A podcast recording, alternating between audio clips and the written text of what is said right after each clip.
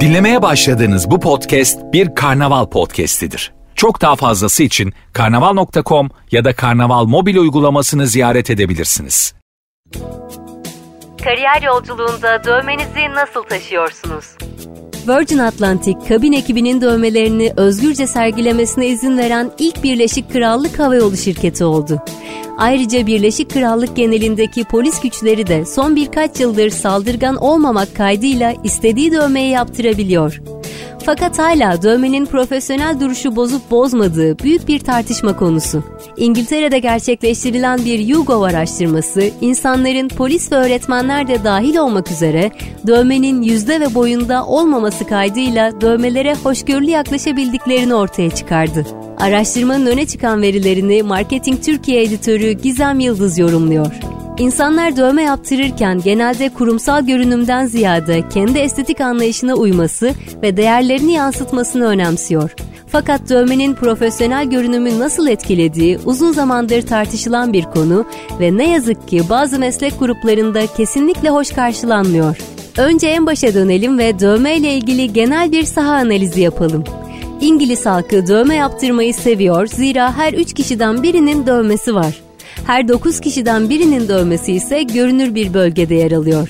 Dövme için en çok tercih edilen bölgeler baş, yüz, boyun, kol, bilek veya eller olarak dikkat çekiyor.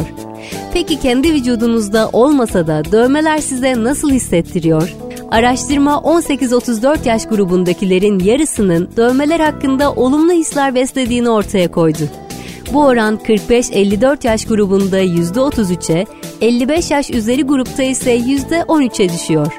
Görünür dövmelerin kabul edilemediği meslekler arasında ilk sırayı çok da sürpriz olmayan bir şekilde öğretmenlik alıyor. Zira her 10 kişiden 4'ü buna karşı olduğunu belirtiyor. Öte yandan bazı kurum ve mesleklerde hoş karşılanmayan dövmelerin coşkuyla karşılandığı durumlar da var. Ekstra primlere neden olduğu ve hatta patronun övgülerini topladığı. Nasıl mı? Mesela scooter kiralama şirketi Martı'da olduğu gibi. Martı'nın kurucusu Oğuz Alper Öktem yılın başlarında yaptığı bir paylaşımla şirkette çalışan 89 kişinin vücudunda şirket logosunun olduğunu söylemiş ve çalışanlarının şirket bağlılığına işaret etmişti.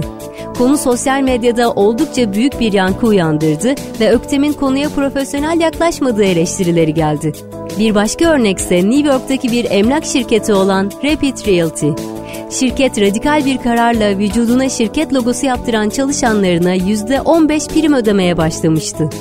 Uygulamanın gördüğü ilgiden memnun olduğunu belirten şirket yöneticisinin açıklamaları viral oldu. Dövmeye bakış açısı toplum içerisinde de şirketler arasında da değişiklik gösteriyor. Ancak soruyu dövme profesyonel görünümü nasıl etkiliyor diye değil de herkesin kendi tuvalini istediği şekilde boyamaya hakkı var mı şeklinde sorarsak belki manzara biraz daha netleşir.